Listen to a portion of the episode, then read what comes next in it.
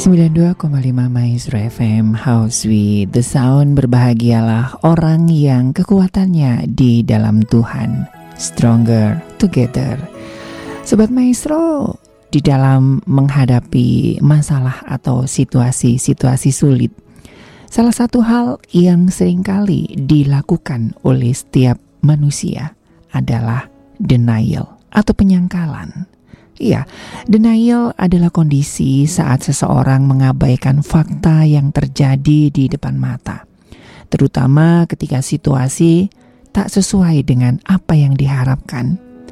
Namun, bukan hanya sebagai bentuk uh, pertahanan diri, arti denial juga berarti seseorang yang enggan untuk mengakui bahwa dirinya sedang menghadapi hal-hal buruk.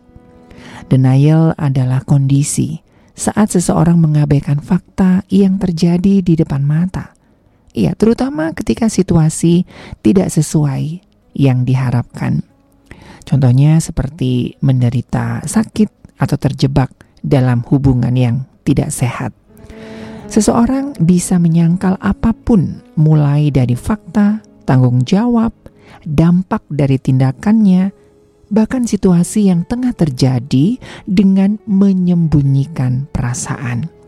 Ini adalah cara melindungi diri menghadapi kenyataan dengan membantah dampaknya. Apakah denial ini menolong atau malah melemahkan? Shalom dan selamat malam Sobat Maestro Apa kabar Anda? Doa dan harapan kami Anda tetap sehat Tetap semangat begitu ya dan terhindar dari denial. Senang sekali saya Ari dan juga rekan Gideon boleh kembali hadir menemani Anda di Maestro Sweet Life Hope and Love di edisi perdana ya di tahun 2022 Sabtu 8 Januari 2021 eh ini edisi kedua ya kemarin pas. Awal-awal itu pas tahun baru begitu ya dan iya terima kasih buat sahabat-sahabat saya yang selalu setia bersama-sama dengan kami untuk sharing, berbagi, khususnya ketika menghadapi masa-masa yang sulit begitu. Terima kasih sudah satu tahun bersama-sama dengan kami, memberikan kepercayaan buat kami, bergumul bersama, menangis bersama, menghadapi masa-masa sulit bersama-sama. Yes, bagaimana dengan tema Radio Maestro di tahun 2022 Stronger Together. Kita bersama-sama akan kuat ya. Anda dan kami akan bersama-sama, tentunya juga bersama-sama dengan Tuhan. Kita akan semakin kuat ya menghadapi masa-masa yang sulit. Ya, uh, tema kita malam hari ini adalah denial. Hari-hari ini saya sedang mendampingi ya cukup banyak teman-teman saya yang sedang denial, yang sedang didiagnosis, difonis apa namanya penyakit yang cukup serius ya. Eh, dengan penyakit terminal, dengan kehilangan anggota keluarga, dengan masalah pekerjaan, dengan masalah keluarga denial biasanya. Enggak kok, enggak kok, enggak kok ya. Kan kita punya Allah yang besar dalam nama Yesus bla bla bla bla begitu. Nah, kadang-kadang kita menyangkal tentang kenyataan yang ada begitu. Ya, seperti saya katakan bahwa memang ini sangat wajar, manusiawi. Dalam bidang psikologi pun biasanya seperti itu. Ada tahap-tahapan di mana ketika kita menghadapi situasi yang tidak sesuai dengan kenyataan, kita denial, kita menyangkal. Ya. Nah, apakah denial ini menolong kita atau justru menghancurkan kita? Nah, nanti kita akan ngobrol-ngobrol begitu ya. Dan silakan buat Anda yang mau sharing silakan di 081 321 Dan juga bagi sobat maestro yang ada pokok-pokok doa, nanti beberapa waktu sebelum akhir daripada acara kita akan bersama-sama berdoa bagi sahabat-sahabat yang mungkin ada pokok-pokok doa. Kita nikmati dua kidung indah ya. Ini satu kidung indah yang sangat luar biasa dari Torren Wells dengan God Not Done With You ya. Jadi ketika kita menghadapi masalah, Tuhan belum selesai dengan kita.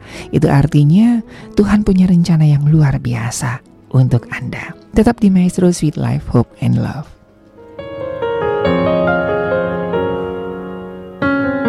Standing in your ruins feels a lot like the end. So used to losing, you're afraid to try again. Right now, all you see are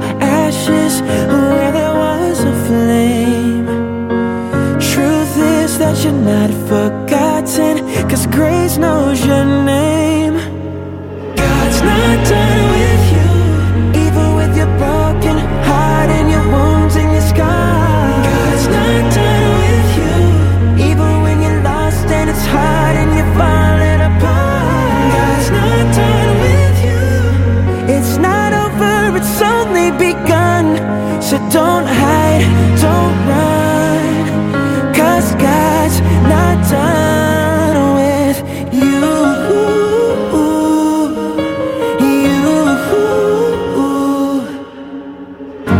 There's a light you don't notice until you're standing in the dark. And there's a strength that's growing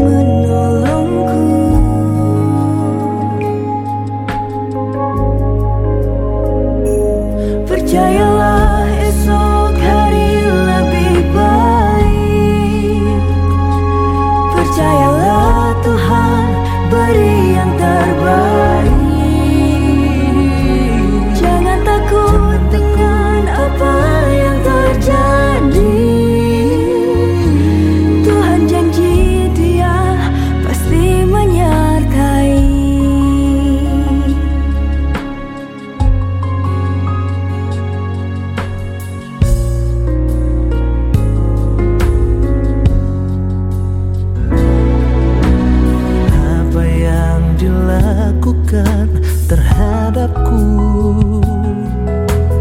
Dipandang rendah semua menolakku. Hati dan pikiranku kepadamu.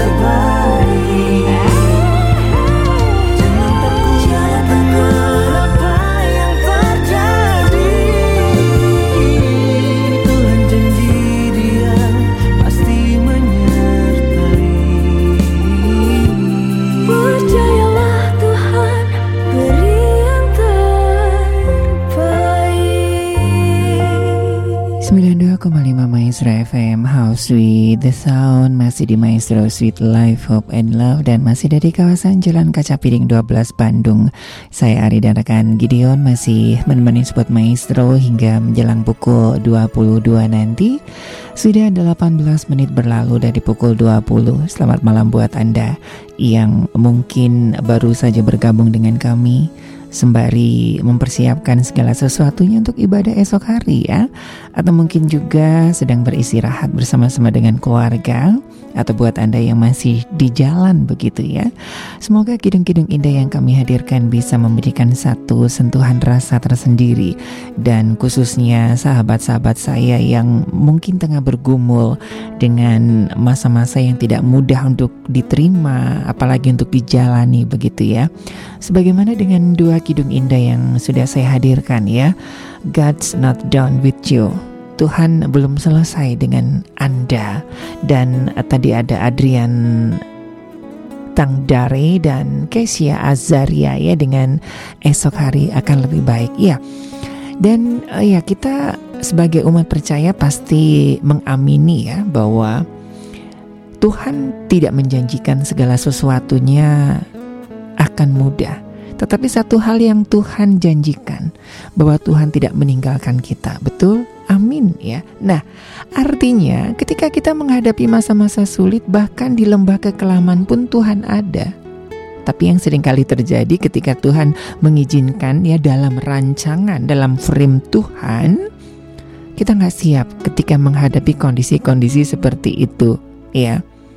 Ditambah lagi dengan beberapa pemahaman yang ya namanya anak Tuhan itu harus terbebas dari penderitaan. Kalau kita mengalami satu masalah artinya kita sedang dimusuhi oleh Tuhan, kita sedang melakukan dosa, kita tidak diberkati, begitu kan? Kata siapa? Tokoh-tokoh di Alkitab banyak. Tokoh-tokoh iman kalau kita membaca di dalam Ibrani 11, mereka kurang apa? Apakah mereka kurang iman sehingga Tuhan tidak menolong? Apakah mereka tidak memiliki keteguhan keyakinan kepada Tuhan sehingga Tuhan tidak menyertai mereka? Contoh yang sangat paradok adalah antara Yakobus dan Petrus.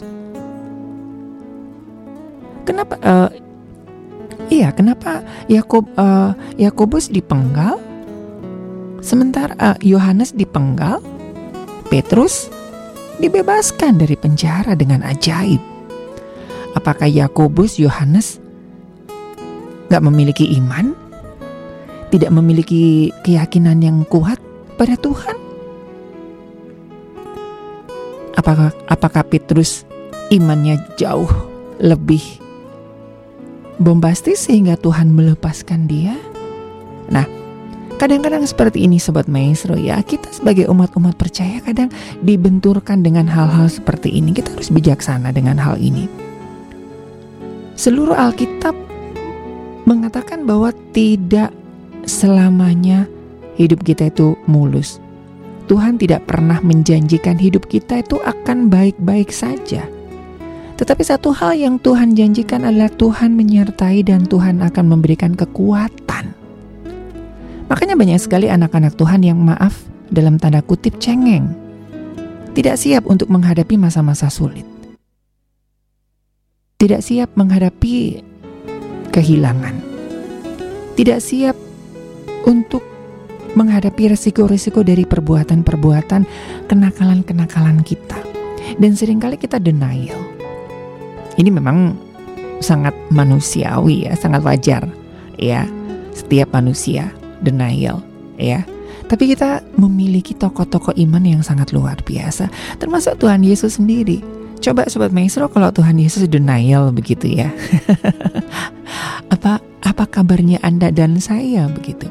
Tapi ya uh, sebagai seorang manusia Yesus juga sempat dalam tanda kutip denial, tapi dia tidak terkungkung dengan sampai berbulan-bulan bahkan menyangkal dirinya gitu begitu ya. Ketika dia harus berdoa Tuhan kalau bisa cawan ini dilalukan begitu. Itu salah satu bentuk sedikit denial ya. Tetapi seperti Tuhan mengatakan bahwa tapi bukan kehendakku yang jadi, kehendakmulah yang jadi. Nah, Sobat Maestro, juga buat sahabat-sahabat saya, sangat manusiawi. Saya sendiri sebagai hamba Tuhan, ketika saya difonis memiliki sakit autoimun ditambah dengan sakit penyerta yang lainnya, itu denial. Tuhan, kenapa harus saya gitu? saya kan udah melayani, saya udah memberikan segalanya gitu kan. Saya harus ninggalin keluarga, ninggalin pekerjaan dan segala macamnya semuanya untuk Tuhan. Tapi kok Tuhan kayak begini gitu. Ya, denial. Terus uh, ketika dia didiagnosis pertama, ah enggak ini kayaknya salah dokter deh. Pindah lagi ke dokter internis. Ah begini lagi, aduh kayaknya enggak deh, enggak deh gitu. Nah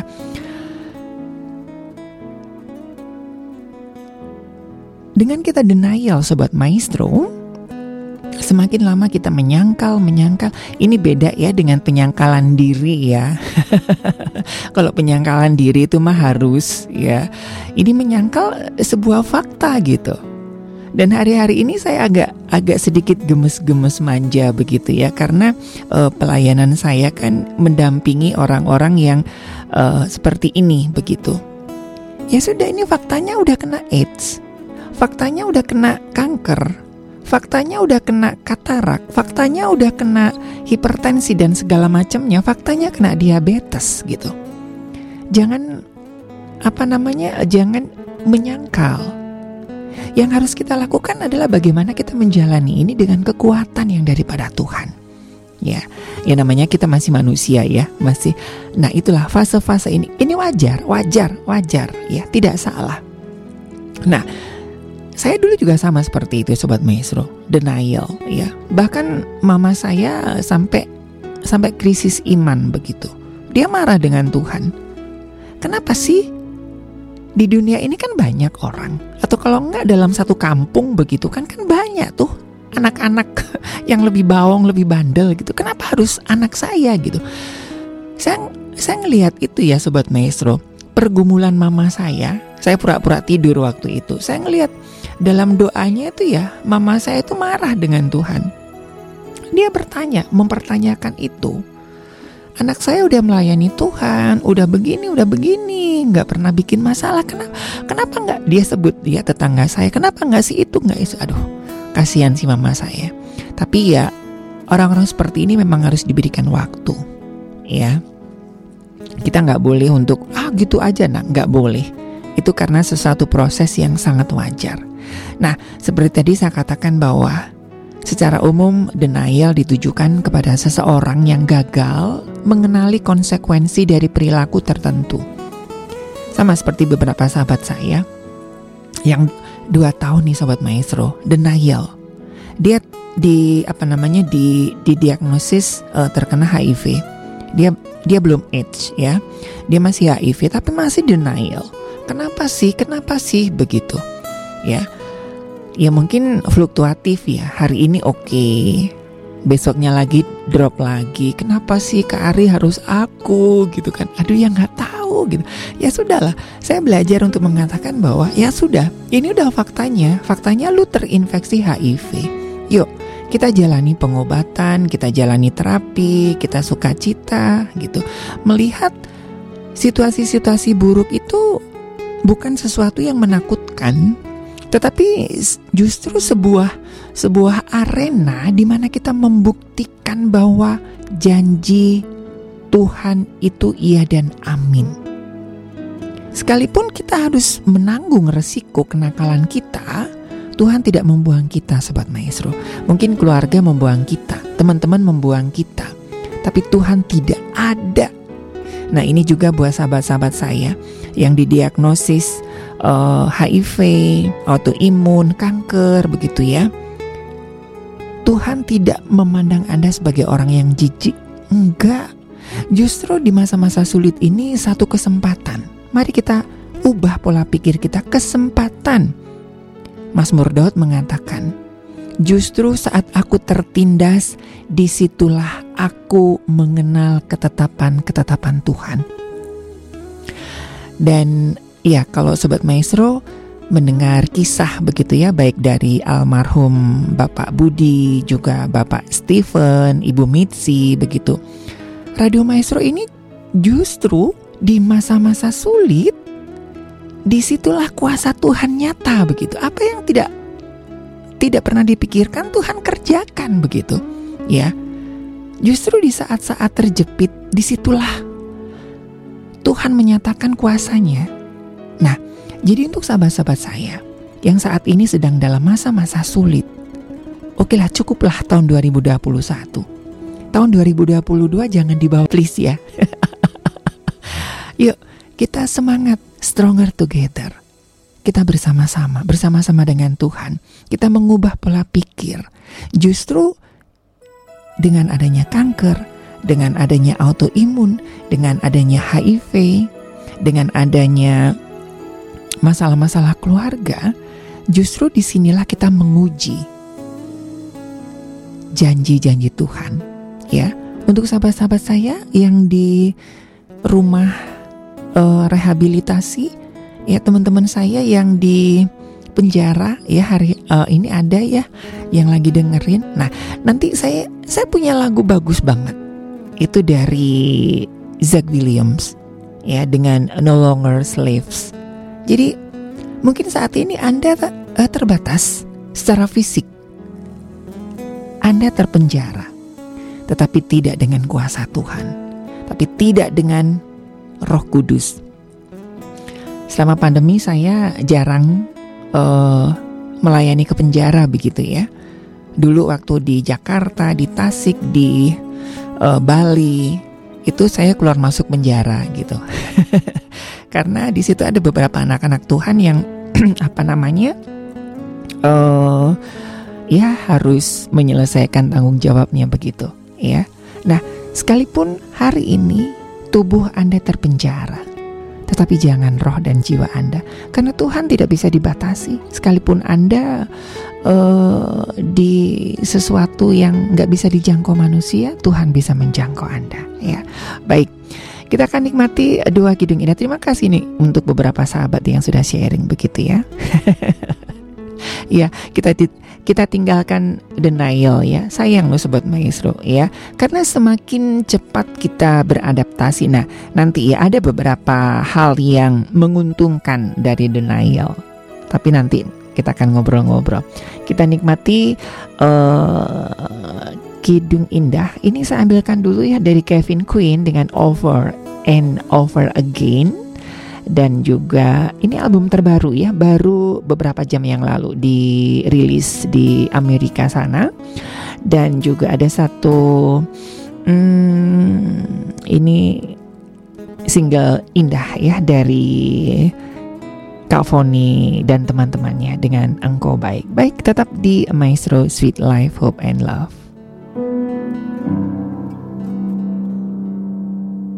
I made my plans, yeah, I done all I can on my own. Built all these walls just to watch them all fall all alone. But you were the guy that led me on my life every season. Moving the mountains to show me what I couldn't see yet. Your timing was perfect.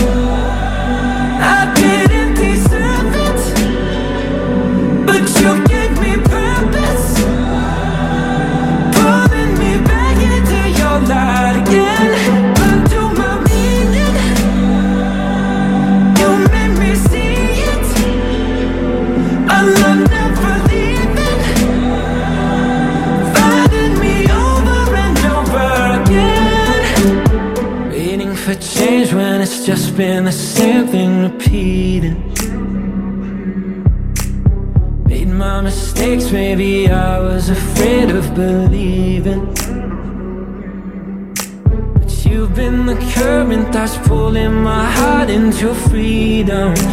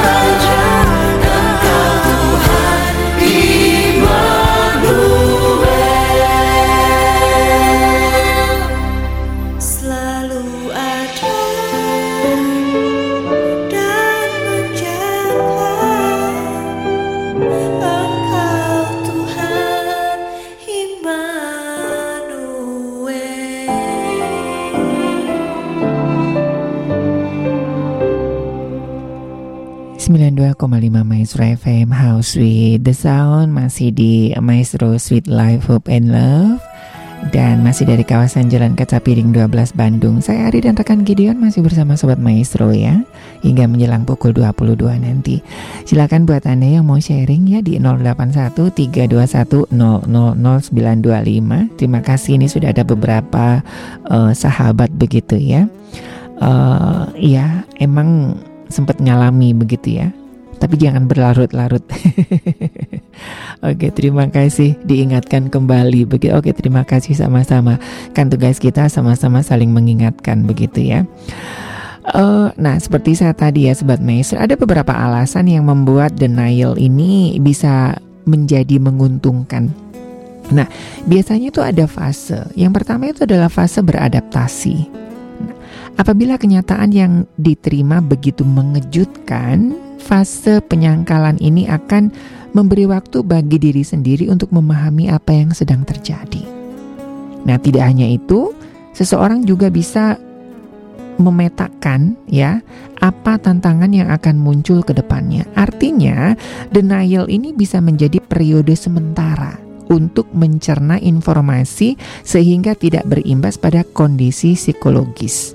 Nah, untuk mendapatkan informasi, sebaiknya Anda cari orang-orang yang di bidangnya Sobat Maestro. Saya sekarang ini sedang mendampingi banyak orang-orang baru yang terinfeksi HIV. Jadi mereka rata-rata denial dan mencari informasi-informasi yang salah lewat internet. Nah, beberapa waktu yang lalu kan Dokter Jonathan ya uh, juga menyampaikan hal itu. Kalau misalkan cari informasi-informasi ke di departemen kesehatan begitu ya, ataupun uh, informasi-informasi yang kebenarannya akurat begitu. Jangan asal-asal begitu. Jadi kita makin bingung begitu kan. Nah, sama ketika kita menghadapi uh, sesuatu yang di luar kendali ataupun di luar apa namanya ya? Yang tidak sesuai dengan kita harapkan, ya. Ini sebetulnya fase di mana kita untuk memetakan. Nah, ini yang sedang saya ngedampingi dan ada yang nanya, berapa lama sih kak fase denial ini begitu? Ya tergantung, ya tergantung bagaimana kelapangan hati kita, kesadaran kita dan informasi-informasi yang kita terima begitu, ya. Jadi kita tidak uh, bisa memastikan ya ada yang sekian hari udah selesai, ada yang bertahun-tahun ya. Teman saya ini sudah dua tahun loh sobat maestro saya ngedampingin denial terus.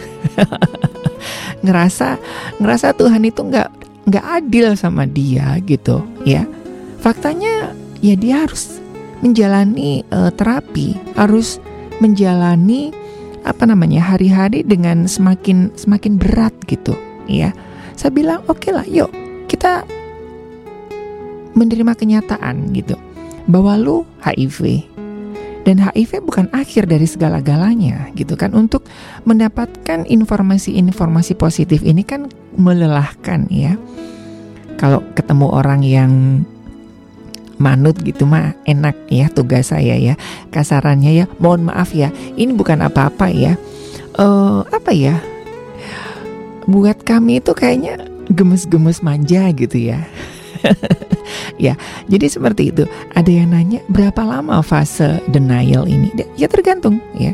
Tergantung bagaimana kita memahami menerima begitu ya Nah, jadi uh, ini adalah sebuah periode sementara untuk mencerna, mendapatkan informasi-informasi yang benar, terus mulai memetakan. Oke, okay, saya seperti ini. Ini juga saya mendampingi beberapa keluarga yang anaknya uh, gay, tiba-tiba. Sebetulnya nggak tiba-tiba anaknya gay ya. Nggak ada cerita ujuk-ujuk gitu. Anaknya lesbian anaknya mengkonsumsi narkoba itu sebetulnya uh, ujuk-ujuk. Pasti ini ada apa ada akar penyebabnya begitu ya. Nah uh, di masa-masa denial ini kita mendampingi. Kita mulai memetakan, oke, ini faktanya bahwa anak saya ini udah lesbian. Faktanya anak saya ini gay. Ya, makanya saya itu senang nonton film-film barat ya sobat maestro. Kalau film Indonesia itu kan yang diributin masalahnya, nggak ada solusinya gitu kan. Tapi kalau film-film barat itu ya udah ini masalah udah terjadi nih. Gimana kita mencari solusinya? Gimana kita menjalaninya dengan baik? Nah, itu begitu ya. Nah, di masa-masa denial ini uh, ada fase fase sementara untuk mencerna informasi ya sehingga tidak berim, tidak berimbas pada kondisi psikologis ya. Nah sekarang ini kan ramai spirit doll ya. Nah kita nggak bisa menghakimi begitu kan. Tetapi dari beberapa orang ya menurut psikologi dia mengalami satu gangguan psikologis dan sedang dalam masa denial yang tidak segera diatasi dengan benar sehingga mengalami gangguan psikologis begitu ya. Nah, nanti kita akan ngobrol-ngobrol lagi ya.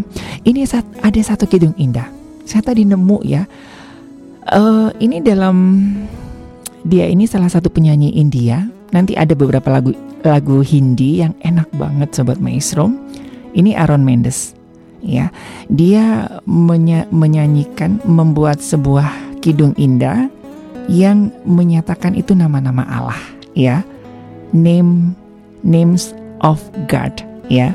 Nah, jadi buat Anda boleh nyatet. Ini enak banget lagunya, pujiannya ya dan Anda juga bisa bersama-sama. Nanti kita mengangkat hati. Izinkan Allah yang memiliki begitu banyak nama itu artinya dia tidak pernah meninggalkan kita. Ini enak banget pujiannya ya. Yuk kita nikmati bersama sambil kita membuka hati kita. Izinkan Tuhan hadir di tengah-tengah kondisi Anda.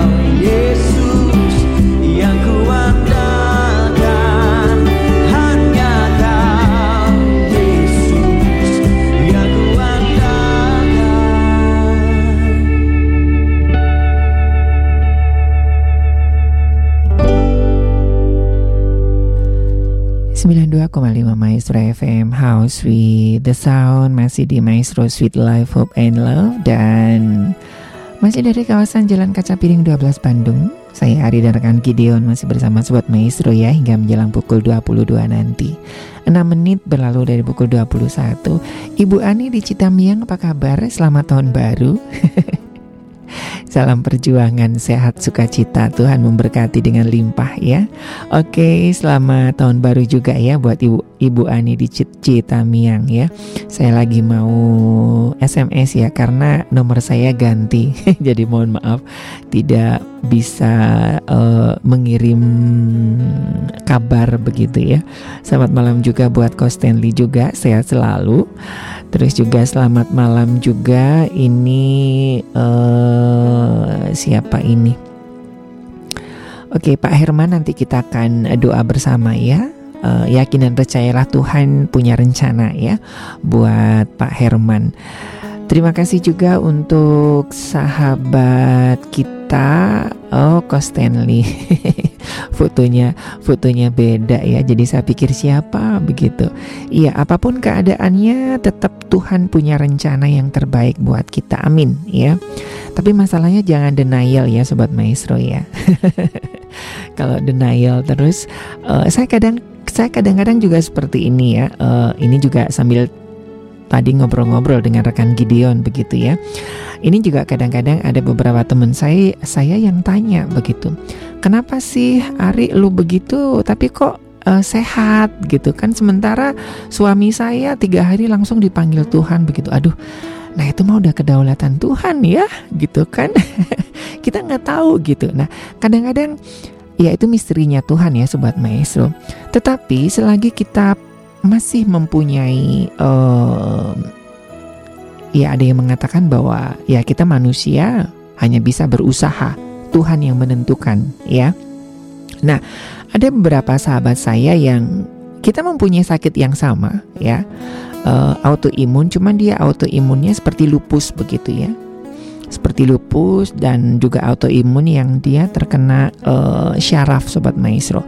Jadi dia nggak bisa kena matahari, nggak bisa kena karbohidrat gitu ya. Jadi kalau kena matahari dia langsung eh, mimisan ya, terus eh, kulitnya seperti kebakar matahari langsung melepuh begitu.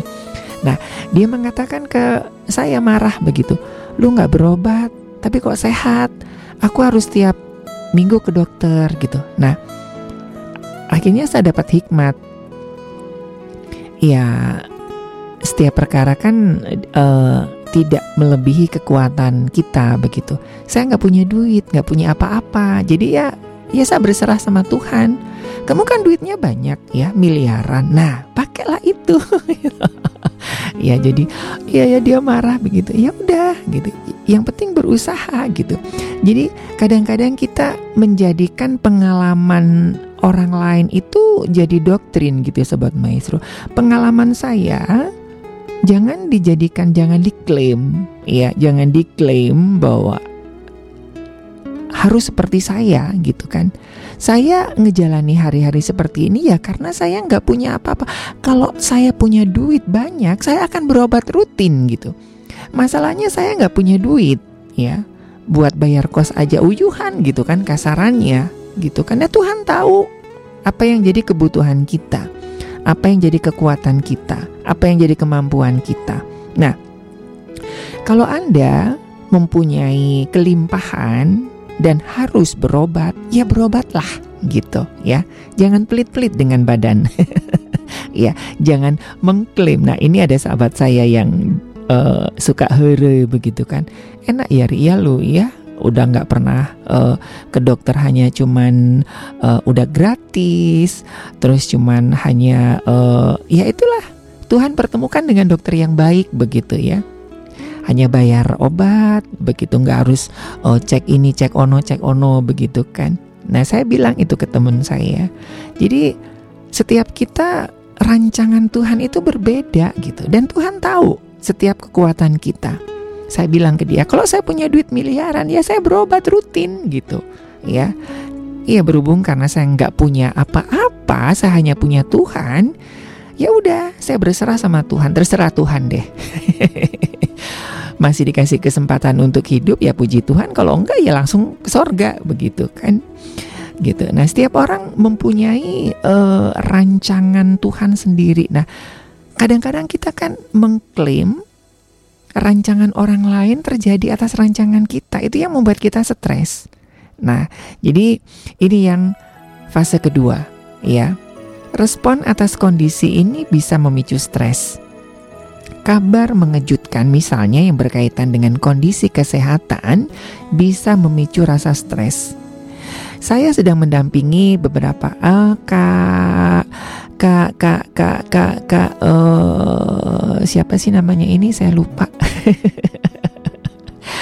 uh, Kak Alan, aduh Kak Alan ya hadir begitu. Pas dengar Mas Hari jadi inget inget apa nih Kak Alan denial apakah Kak Alan juga pernah denial ya. Ibu Ratna apakah juga pernah denial?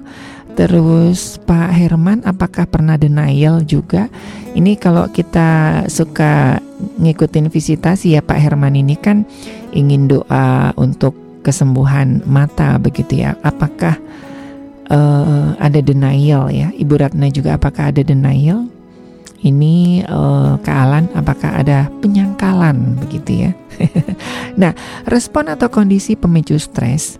Nah, saya mendampingi teman-teman yang dia melakukan hubungan beresiko ya. Kalau dalam uh, istilah orang-orang yang di komunitas HIV itu Huber. Bukan nama orang ya, hubungan beresiko ya. Nah, dia akhirnya jadi parno gitu. Bentol dikit, aku HIV ya, aku HIV.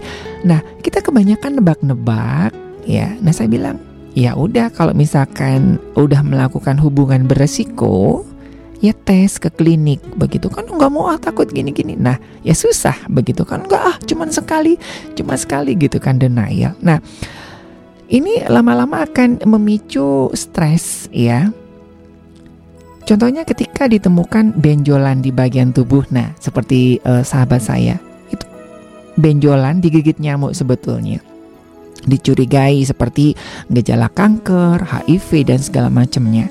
Nah, secara alami tubuh akan merasakan takut dan produksi adrenalin ini meningkat.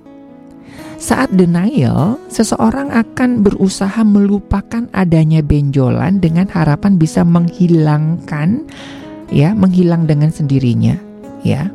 Nah, ini ini kadang-kadang agak bahaya.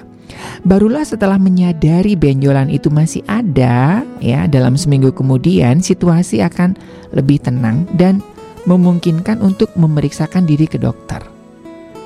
Masalah bisa dihadapi dengan lebih rasional. Namun di sisi lain, penyangkalan juga bisa menjadi hal yang tidak sehat, bahkan berbahaya, ya. Seperti teman saya.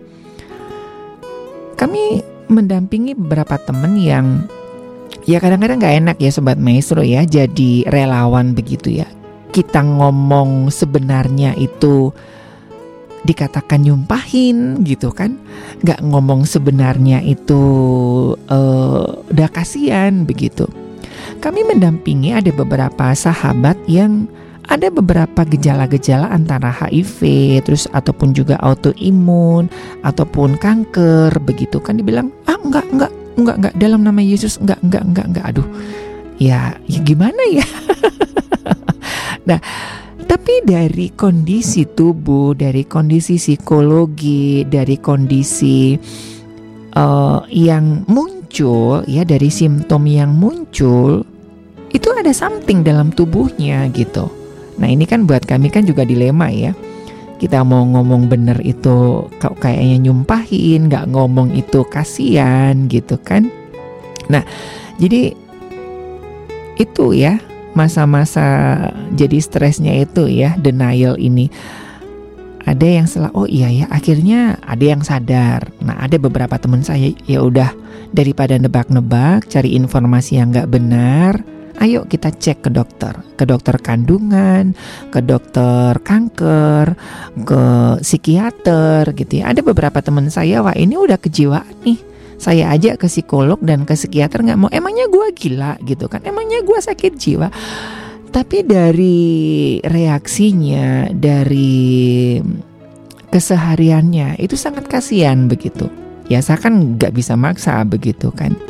Ada yang sadar iya ya kayaknya gue butuh psikiater deh. Nah, kadang-kadang gini ya, kita ke konselor pun nggak bisa memaksa ya.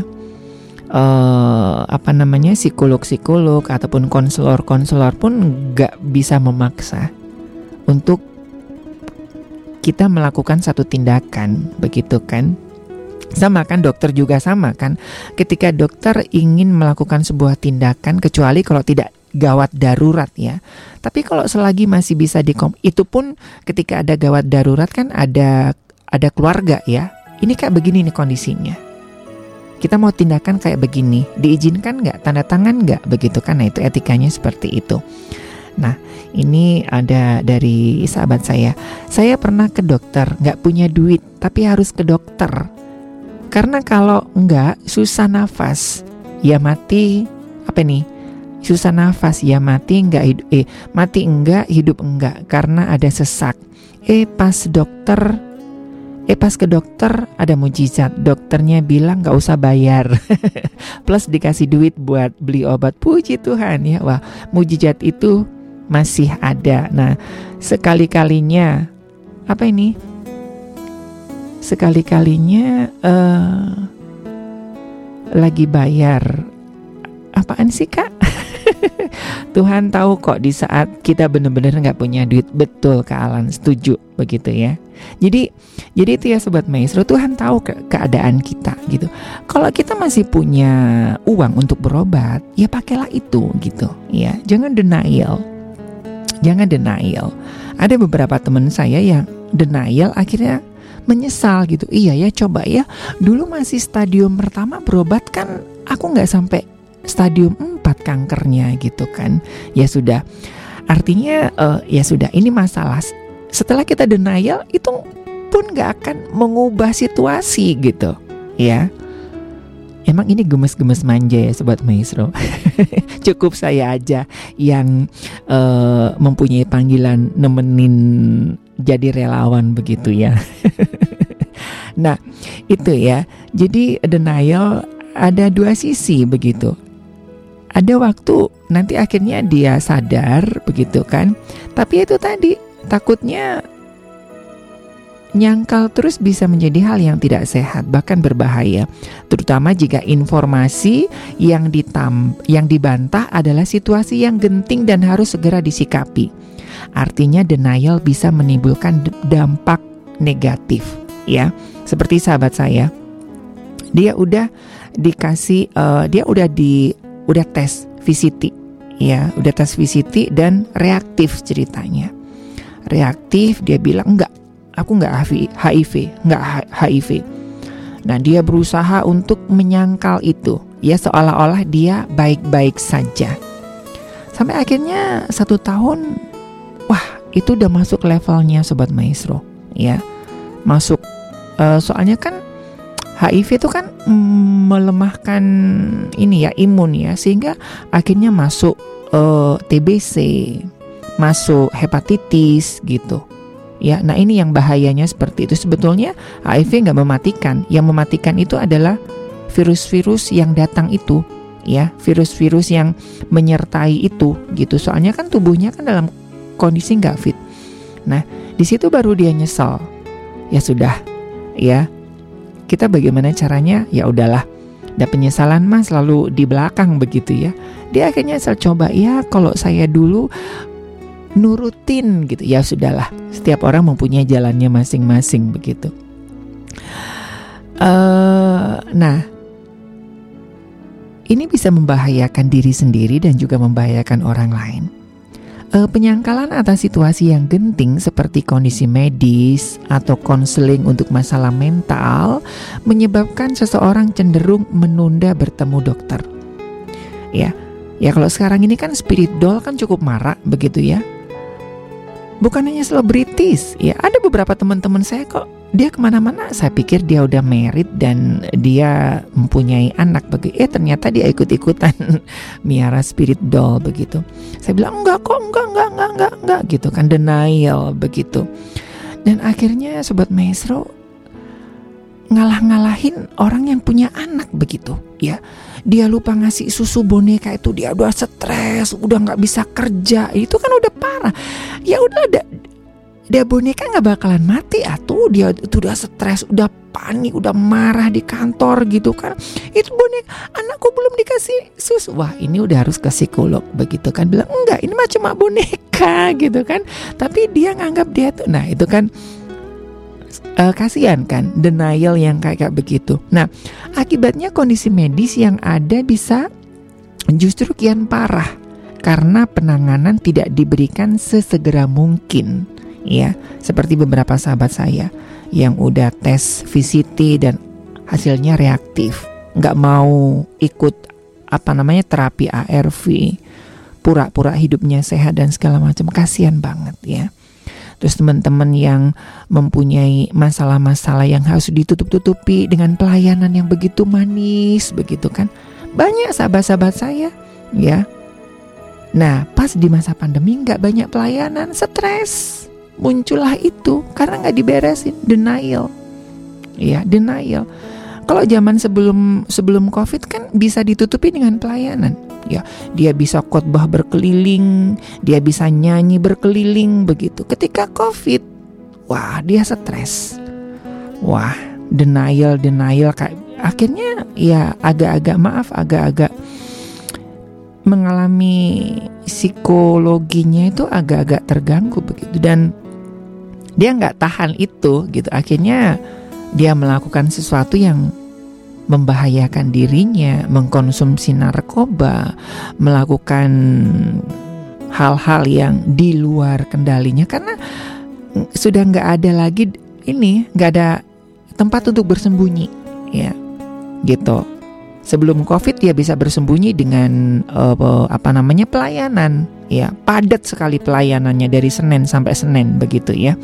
Kalau Minggu itu bisa khotbah sampai 5-6 kali begitu.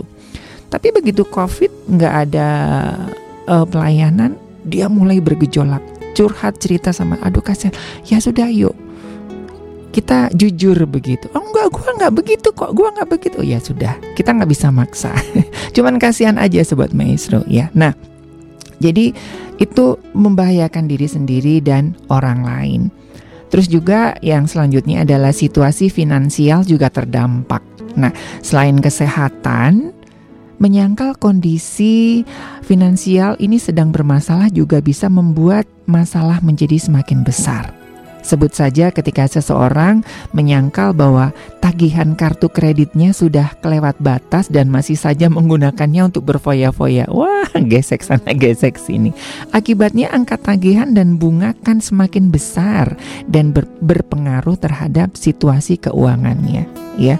Dengan harapan nanti oh begini begini begini. Nah, semakin berbahaya. Nah, jadi itu ya sobat maestro Terima kasih untuk beberapa uh, sahabat yang udah sharing.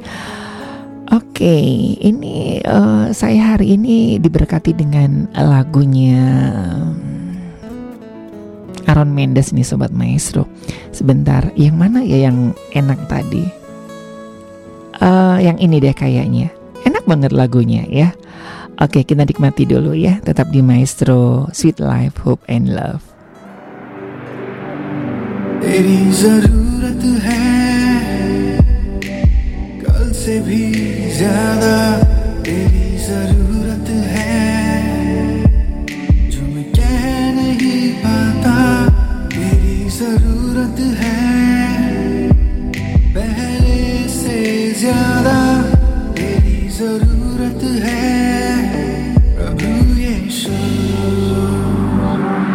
मेरे सांसों से ज़्यादा, मेरे गीतों से ज़्यादा, मेरी धड़कनों से। हर बात से ज़्यादा, जैसे ये पल बीते। मैं रहूँगा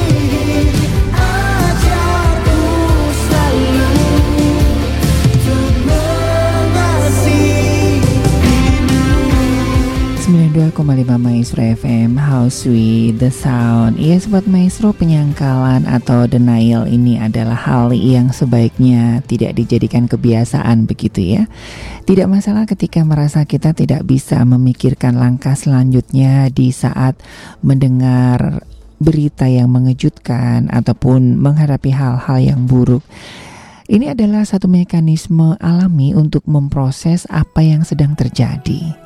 Namun demikian, hal yang tak kalah penting adalah memastikan bahwa eh, penyangkalan-penyangkalan ini hanya berlangsung sementara, begitu ya. Jangan seterusnya, itu akan berbahaya. Uh, selamat malam untuk Pak Yesaya, begitu ya. Selamat malam. Uh, ketika saya menghadapi suatu masalah yang besar, ketika itu sedang berada di persimpangan jalan yang harus memilih apa kita harus mengandalkan kekuatan kita atau mengandalkan manusia atau mengandalkan Tuhan. Mengandalkan manusia atau kekuatan kita, kita adalah orang yang dalam tanda kutip terkutuk begitu ya. Mengandalkan Tuhan tetap harus mengalami proses. Masalah tidak langsung selesai Semakin kita mengeluh dan bersungut-sungut, proses semakin panjang. Itu pernah saya alami tahun 2001 ketika istri pergi dari rumah dengan suami orang. Waktu itu kan saya masih baru jadi orang percaya, tetapi belum bertobat, belum mengenal Tuhan, dan belum membaca firman. Saya ragu apakah benar Tuhan ada. Kalau Tuhan ada berarti apa ini? Berarti tinju hanya lurus ke saya aja. Apa saya lanjut ikut Tuhan? Apa stop saja begitu? Tapi itulah Tuhan yang kita sembah. Dia tahu seberapa kekuatan kita. Selalu ada hamba-hamba Tuhan yang membimbing saya untuk mengenal Dia. Oke, dan sekarang ada sobat-sobat maestro begitu ya. Oke, terima kasih Pak Yesaya ya bersama-sama kita kuat begitu ya. Amin ya. Bagi saya tetap Yesus ya. Saya cinta Yesus untuk selamanya tidak dapat digantikan oleh apa pun. Amin. Sebagaimana dengan lagunya Aaron Mendes tadi ya. Tezi darurat. Nah, itu pakai bahasa Indi. Kalau saya bisa mengatakan bahwa Aaron Mendes ini salah satu anak muda yang dipakai Tuhan di India sana untuk memberitakan jalan kebenaran dan kehidupan yang ada di dalam Tuhan Yesus ya. Jadi dia tadi dikatakan bahwa no turning back ya, nggak ada jalan balik selamanya akan mengikut Tuhan begitu. Baik, untuk Kak Alan juga uh, ya memang setiap orang punya kekuatan masing-masing ya kak ya nggak bisa mengatakan uh, kakak lebih cengeng dari saya juga enggak begitu ya nggak ada gitu karena setiap kita mempunyai kekuatan masing-masing.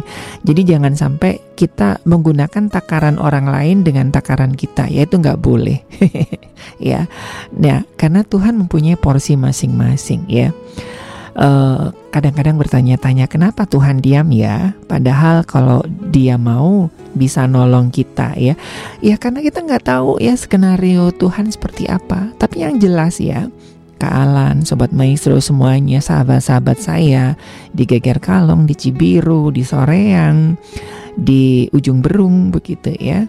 Uh, rencana Tuhan itu adalah rancangan damai sejahtera dan hari depan yang penuh dengan pengharapan. Nah, rancangan Tuhan akan tidak jadi damai sejahtera dan bukan harapan yang bagus ya karena kita denial itu menyangkal, menyangkal, menyangkal. Tuhan sudah pakai orang-orang di sekitar kita untuk mengingatkan kita, mendampingi kita. Kita menyangkal, menyangkal, menyangkal. Tuhan sendiri pun tidak pernah memaksa kita ya sobat maestro, tapi dia tetap setia mendampingi. Ya. Tuhan sampai sekarang pun apa namanya? tetap menunggu ya. Kan ada pujian kan di depan pintu Tuhan begitu sabar menunggu, sabar mengetuk. Nah, bagi sobat-sobat maestro yang hari-hari ini masih menyangkal, yaitu sebagai reaksi manusia. Tapi ingat bahwa Tuhan ada bersama-sama dengan Anda. Tuhan gak pernah menyerah ya sampai Anda sampai benar Tuhan aku butuh kamu. Aku nggak kuat. Aku butuh ditolong. Nah, sama seperti orang tua kan, ketika tahu anak-anak anak-anaknya mau ditolong nggak mau nggak mau ya udah, ya. Bukan berarti Tuhan lepas tangan, no. Tuhan akan tahu sampai kita menyerah Tuhan. Ini aku, aku nggak bisa apa-apa. Aku udah nggak kuat. Nah di situ apa namanya kita menyadari semuanya dan menyerahkan semuanya. Tapi jangan telat ya sobat maestro. Selagi masih ada waktu gitu kan. Nah kadang-kadang ya itu tadi kita melewatkan kairos Tuhan. Setiap hari Radio Maestro menyuarakan kasih dan kebenaran. Jangan keraskan hati ya. Bahkan firman Tuhan juga mengatakan, "Jikalau hari ini engkau mendengar firmanku, jangan keraskan hati." Itu berbicara tentang kairos. Nah, ya. Nah, tugas kami adalah kami terus akan menyuarakan kebenaran. Tugas saya sebagai relawan yang mendampingi, ya, dan berdoa supaya Tuhan melembutkan hati Anda untuk benar-benar berserah dan memahami rancangan Tuhan untuk hidup Anda. Baik, sebelum nanti kita akan sama-sama berdoa ya dan mengakhiri program ini ya. Mulai hari ini kita akan ada doa ya. Terima kasih untuk pokok-pokok doa yang dikirimkan. Mari kita mempersiapkan hati dengan satu kidung indah ya dari David Archuleta dengan My Little Prayer. Heavenly Father, I am grateful for your eternal presence. I am learning to be patient and that you are really there. Sometimes I am afraid, and I know that's lacking faith. But I'm beginning to understand that for me you have a plan.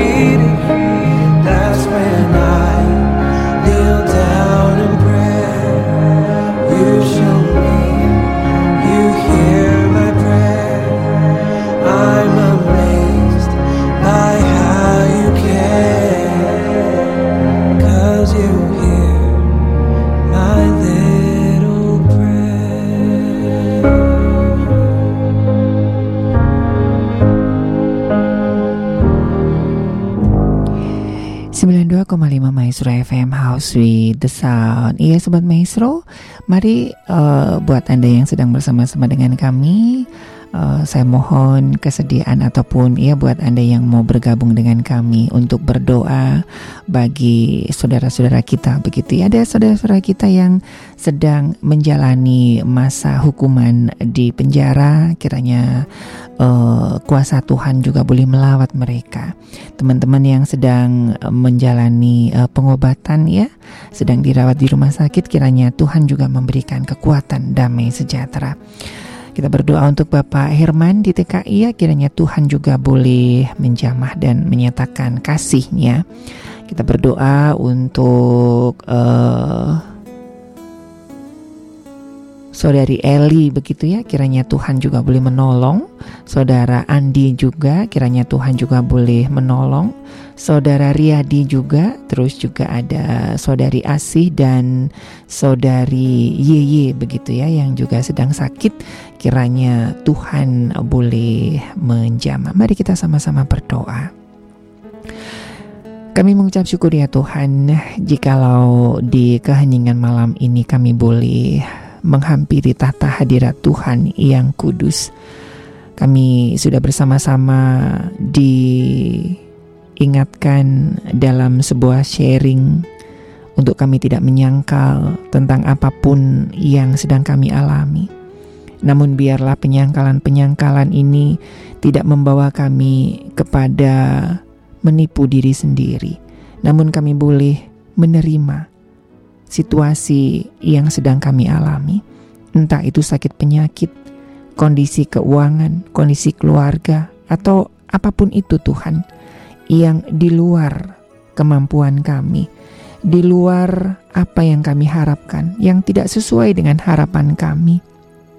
Biarlah kami memiliki satu kesadaran bahwa Tuhan tidak meninggalkan kami Mungkin Tuhan mengizinkan hal ini supaya kuasa Tuhan menjadi nyata dan sempurna dalam kehidupan kami.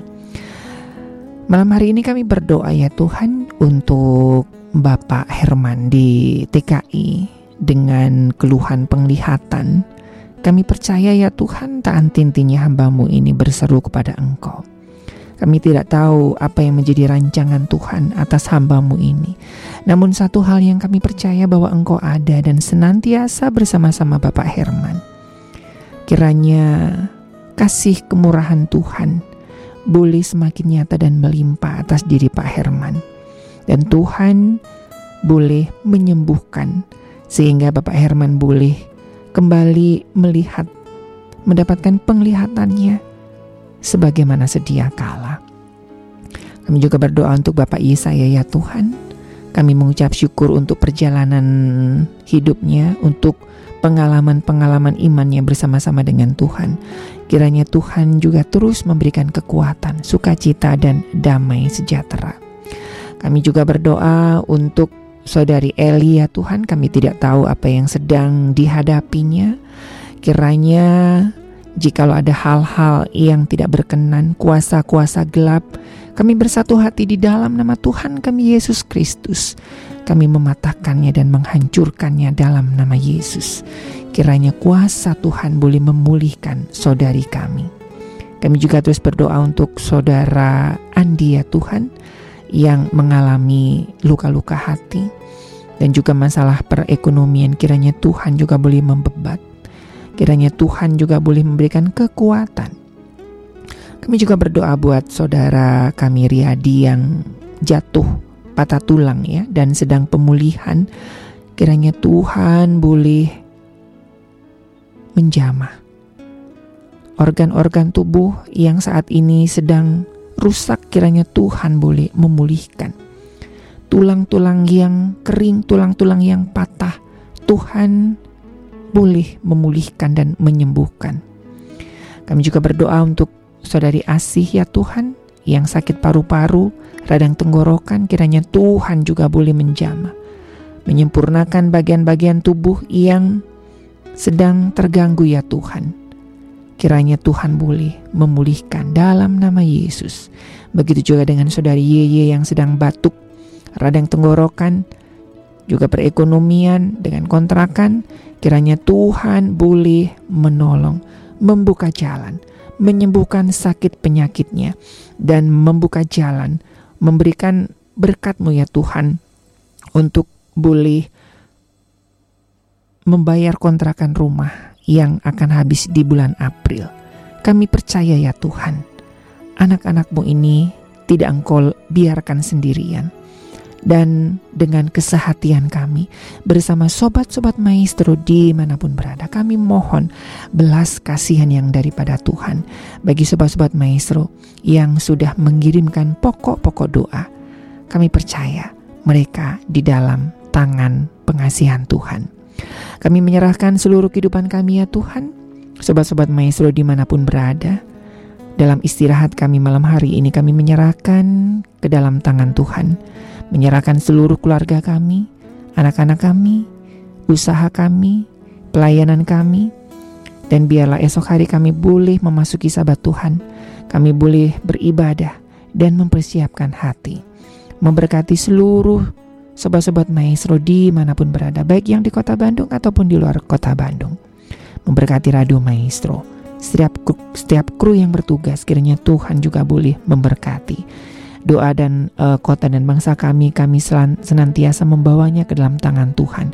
Kiranya Tuhan boleh menyertai para pemimpin-pemimpin kami. Terima kasih ya Tuhan. Kiranya damai sejahtera Tuhan menyertai istirahat kami dari hari ini sampai selama-lamanya. Amin. Baik Sobat Maestro, terima kasih buat kebersamaan kita malam hari ini dan terima kasih buat Anda yang sudah berbagi pokok-pokok doa dan sharing. Dari Kira Maestro Jalan Kaca Piring 12 Bandung, saya Ari dan juga rekan Gideon mengundurkan diri segala perkara dapat kutanggung di dalam dia yang memberi kekuatan kepadaku. Stronger together, selamat malam dan Tuhan memberkati.